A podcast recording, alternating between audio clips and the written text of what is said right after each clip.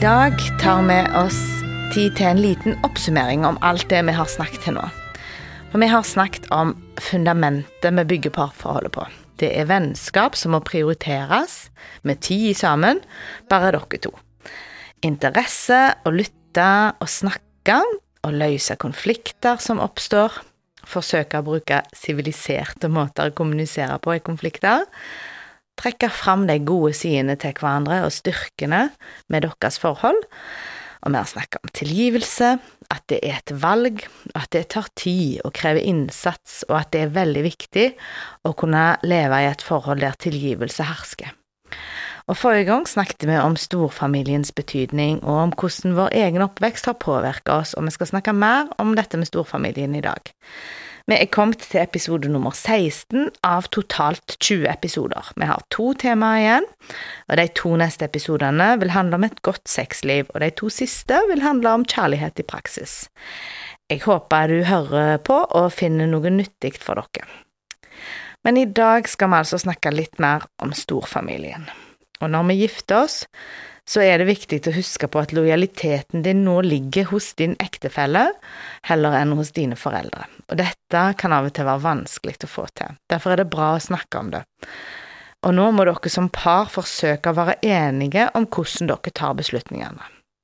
Hvis for eksempel foreldrene dine inviterer dere med på en ferie med deg, så er det nok lurt at du snakker med ektefellen din før du lover at dere skal bli med på den ferien. Eller hvis eh, mannen din har lovt at du skal bake kake til svigermor sin bursdag uten å spørre deg, eller spørre om det passer. Eh, eller hvis du har lova far din at mannen din skal komme og hjelpe han med å male huset på lørdag uten at du har spurt han, så kan det lett oppstå konflikter og uenigheter. Det er viktig at dere snakker om hva som er greit og ikke greit, og det er veldig fint å tenke at vi skal hjelpe og støtte foreldrene våre, men vi må være enige om hvordan vi gjør det. Prinsipper for å bygge sunne og gode familierelasjoner med både din familie og svigerfamilien din er nummer én å prøve å løse konflikter som oppstår etter hvert. Avdekk hva det er som skaper spenning, og snakk om det dere imellom som par og bli enige om dere bør ta det opp med svigerforeldrene og be om unnskyldning når det er din feil.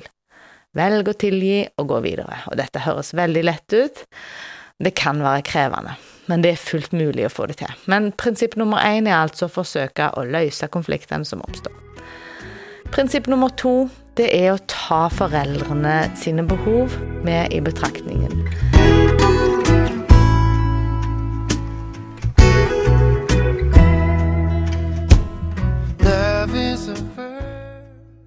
Du har garantert flere ting å være takknemlige for til foreldrene dine. Vis takknemlighet og vær takknemlige. Ikke misbruk tida deres, eh, eller viljen eller evnen deres til å være hjelpende og støttende til dere, f.eks. når det gjelder barnepass eller økonomi. Men ta initiativ til å holde kontakten, til å reise på besøk. Støtt foreldrene dine på den måten du kan, Enten om det er praktisk, eller om det er med råd, eller med elektronikk. Det tredje prinsippet for å bygge sunne familierelasjoner, altså, det er at dere som par tar deres egne valg. Dere må gjerne lytte til råd fra foreldre og svigerforeldre, men ikke ta avgjørelser sammen med foreldre eller svigerforeldre. Snakk sammen med ektefellen din, og bli enige om å stå sammen om valg. Og ikke brett ut og fortell om ditt eget samliv og utfordringer i det til din egen nærmeste familie, til dine foreldre. Sjølsagt er det bra med åpenhet, eh, og vi kan godt eh, drøfte ting, men vanskelige utfordringer i ditt eget ekteskap, det skal du ikke snakke med dine foreldre om. Og når disse prinsippene følges, så kan nærheten mellom dere to vokse, og forholdet kan bli sterkere og dere kan få lov å bety noe inn i storfamilien på en sunn og god måte. Og vi skal snakke litt mer om når det ligger vonde sår fra barndommen i vår egen bagasje, og hvordan dette kan bearbeides. For om du forsøker å avdekke og gå inn i dette i ditt eget liv, så er det veldig naturlig at det kommer sterke følelser og reaksjoner. Og da kan du og ektefellen din sørge sammen over det som du har tapt, eller snakke sammen om det, sette ord på det, og trøste hverandre. Og tilgivelse, tilgi hverandre. Noen ganger er det vi har opplevd så alvorlig at vi aldri blir klar for å si at vi vil tilgi. Og da snakker jeg gjennom alvorlige ting. Eh, for eksempel overgrep. Det at vi ikke helt klarer eller vil si at vi tilgir her, det er helt forståelig og helt greit.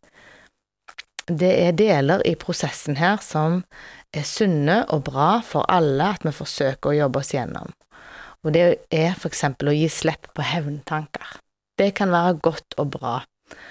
Eh, det å akseptere at det har hendt, det som var vondt og vanskelig og forferdelig, men slutte å håpe at det skal gjøres om igjen. Eksempel hvis det er foreldre som aldri har vist oss den omsorgen som vi fortjente, så må vi slutte å håpe at de skal gjøre det godt igjen nå, eller at de skal greie å møte de behovene nå som ikke ble møtt da.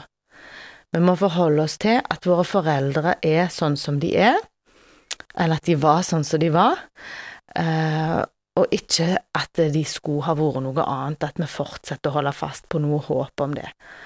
Altså at vi på en usunn måte liksom henger fast i noe som vi skulle ønske at var annerledes. Sjøl om vi har sår med oss fra egen barndom, så kan vi ikke bruke det som unnskyldning på å ikke imøtekomme vår ektefelle sine behov. Det kan forklare hvorfor vi syns ting er krevende eller vanskelig, men det kan ikke unnskylde oppførselen vår.